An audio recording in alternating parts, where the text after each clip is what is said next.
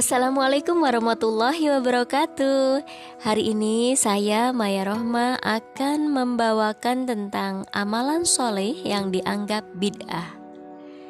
Amalan soleh yang dianggap bid'ah pertama yang akan Maya bawakan adalah tentang tahlilan. Tentu semua orang dan termasuk kamu pernah mendengar tahlilan. Iya, Tahlil adalah mak maknanya adalah berkumpul untuk membaca Al-Quran, doa, zikir, dan solawat secara bersama-sama dalam satu suara. Maka, menurut mazhab Hanabilah dan Syafi'iyah, memustahabkan atau sunnah hal ini.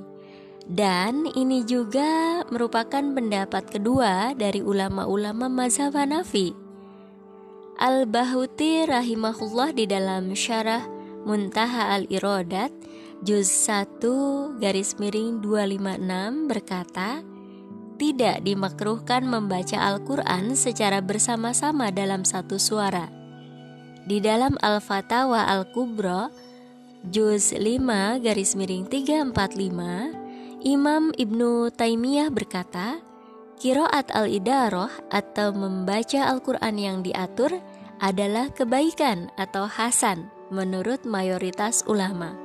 Dan di antara kiroat al-idaroh adalah mereka membaca Al-Quran secara bersama-sama dalam satu suara. Ulama mazhab maliki memiliki dua pendapat dalam memakruhkan membaca Al-Quran secara bersama-sama.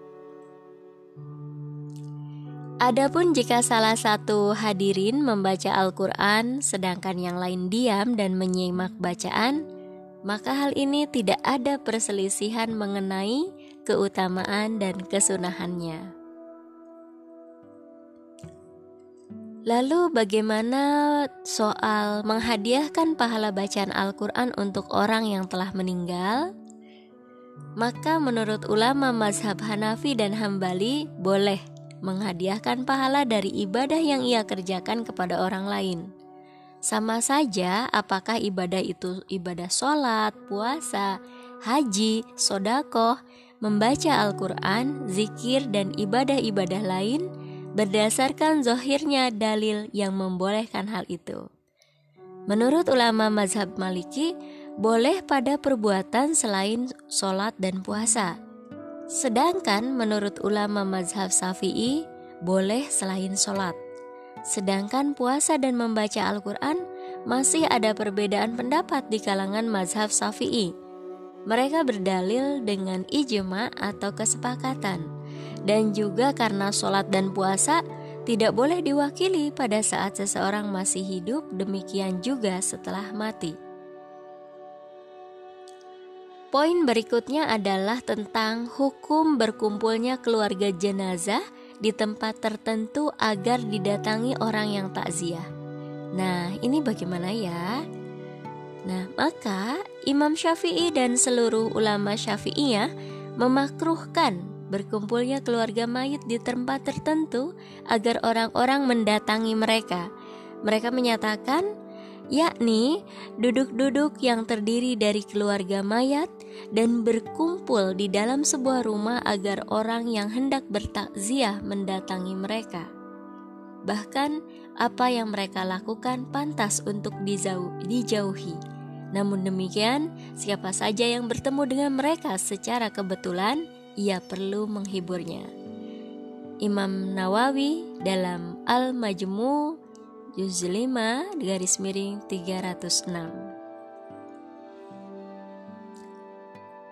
Adapun hukum menyediakan makanan, maka keluarga jenazah dimakruhkan menyediakan makanan untuk orang-orang yang hadir takziah, kecuali jika orang yang bertakziah itu datang dari tempat yang sangat jauh dan harus menginap di rumahnya, maka keluarga jenazah boleh menyediakan makanan dengan niat menjamu dan menghormati tamu.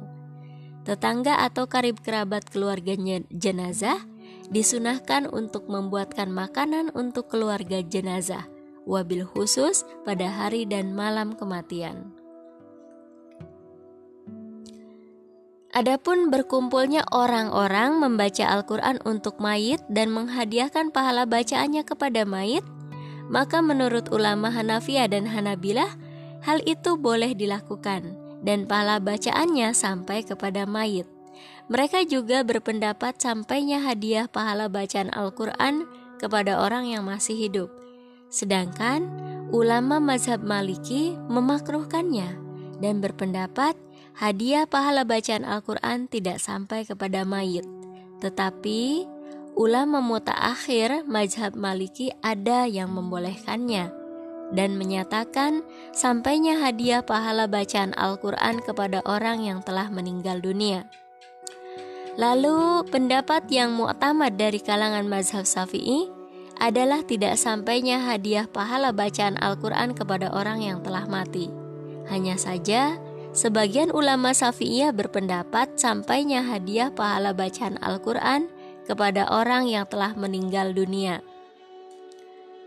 Ya, dari seluruh uraian di atas bisa disimpulkan bahwa berkumpulnya kaum muslimin di kediaman keluarga jenazah setelah penguburan jenazah untuk mendoakan mayit, membaca Al-Quran, zikir dan sholawat untuk kemudian menghadiahkan pahala bacaannya kepada mayit merupakan perkara yang masih diperselisihkan oleh para ulama. Namun, perkara-perkara yang sudah disepakati pelarangannya dan kemakruhannya, seperti menyediakan makanan oleh keluarga jenazah bagi orang yang takziah, harus tetap menjadi perhatian. Artinya, berkumpulnya kaum muslimin di rumah keluarga jenazah tidak boleh justru menyusahkan dan memberatkan keluarga jenazah.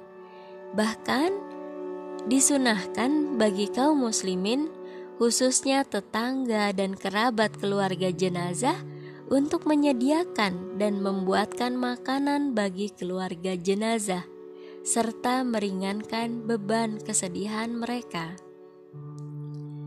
Adapun sedekah makanan, mushaf, dan lain-lain dari keluarga jenazah dengan niat untuk menghadiahkan pahala amal kebajikan tersebut kepada mayit, maka hal ini boleh dilakukan dan lebih diutama ya lebih utama dilakukan tanpa disertai dengan berkumpul. Terakhir, hal yang terpenting adalah tasamu menghormati dan tetap menjalin hubungan dengan sesama muslim meskipun berbeda pendapat dalam persoalan seperti ini tetap tidak boleh ditinggalkan ya. Persoalan hilafiah ya atau perbedaan pendapat ini tidak boleh kita jadikan sarana untuk membuat kegaduhan dan perselisihan di tengah-tengah kaum muslimin. Ya, itu tentang amal soleh yang dianggap bid'ah, segmen tahlilan. Kita insya Allah bertemu di kesempatan berikutnya. Assalamualaikum warahmatullahi wabarakatuh.